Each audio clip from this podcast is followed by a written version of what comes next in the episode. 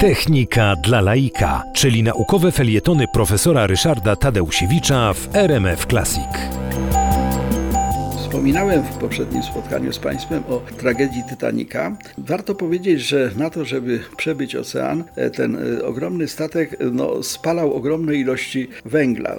To dzisiejszych ekologów by przyprawiło chyba o, o, o palputację serca, bo Titanic spalał 600 ton węgla dziennie i wyrzucał do oceanu 100 ton popiołu każdego dnia. Wobec tego no, taki sposób y, pożeglowania dzisiaj byłby nie do przyjęcia ze względu właśnie na ekologię. Natomiast okazuje się, że może istnieć statek, a nawet co więcej, taki statek już został zbudowany, który niczego nie będzie spalał, ani grama jakiegokolwiek paliwa, niczego nie będzie wydalał do oceanu, niczego absolutnie, natomiast będzie płynął w oparciu o niewiarygodne, oparciu o sztuczną inteligencję. I okazuje się, że taki statek właśnie zbudowano.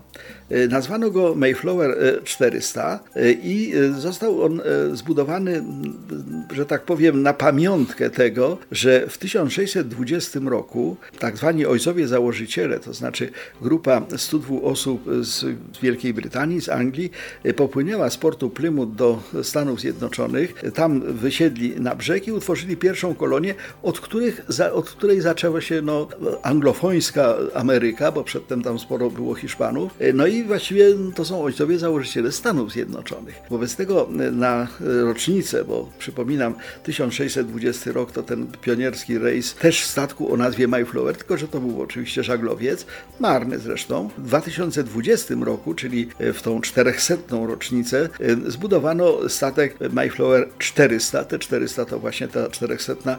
rocznica. Okazało się, że ten statek został zbudowany na zupełnie e, niezwykłych zasadach. E, po pierwsze, e, w ogóle nie wykorzystuje żadnych źródeł napędu, tylko korzysta z źródeł naturalnych.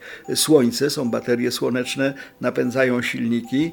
Ten statek ma odpowiednio również możliwość wykorzystywania prądów morskich, wiatru, wszystkiego, co, co przyroda daje. I czynnikiem decydującym jest algorytm zbudowany przez firmę IBM, który no, wybiera trasę tak, żeby wykorzystać te czynniki typu wiatr czy prąd, e, który wybiera również takie miejsca, gdzie będzie nasłonecznienie, żeby te baterie słoneczne mogły się pożywić i ten statek ma przepłynąć Atlantyk. Jeszcze tego nie zrobił, ale, ale niebawem te, ta, ten rejs ma mieć miejsce. 8 marca tego roku e, po raz kolejny były próby pełnomorskie tego, tego statku. E, on jest nieduży, 12 metrów długości, nie ma nikogo na pokładzie. Pewni również rolę takiego pływającego laboratorium, bo pobiera próbki wody i e, dokonuje różnych ocen. Wobec tego trzymamy kciuki w tej chwili za ten e, MyFlower 400. Jest w internecie e, możliwość śledzenia wszystkiego, co się dzieje. Jak ten statek wypłynie, to będą tam dostępne informacje o stanie morza, o, o tym, jaka, z jaką szybkością płynie, widoki z kamer, więc można będzie śledzić ten pionierski rejs bezludnego statku napędzanego czym? Napędzanego sztuczną inteligencją. Tego naprawdę jeszcze nie było.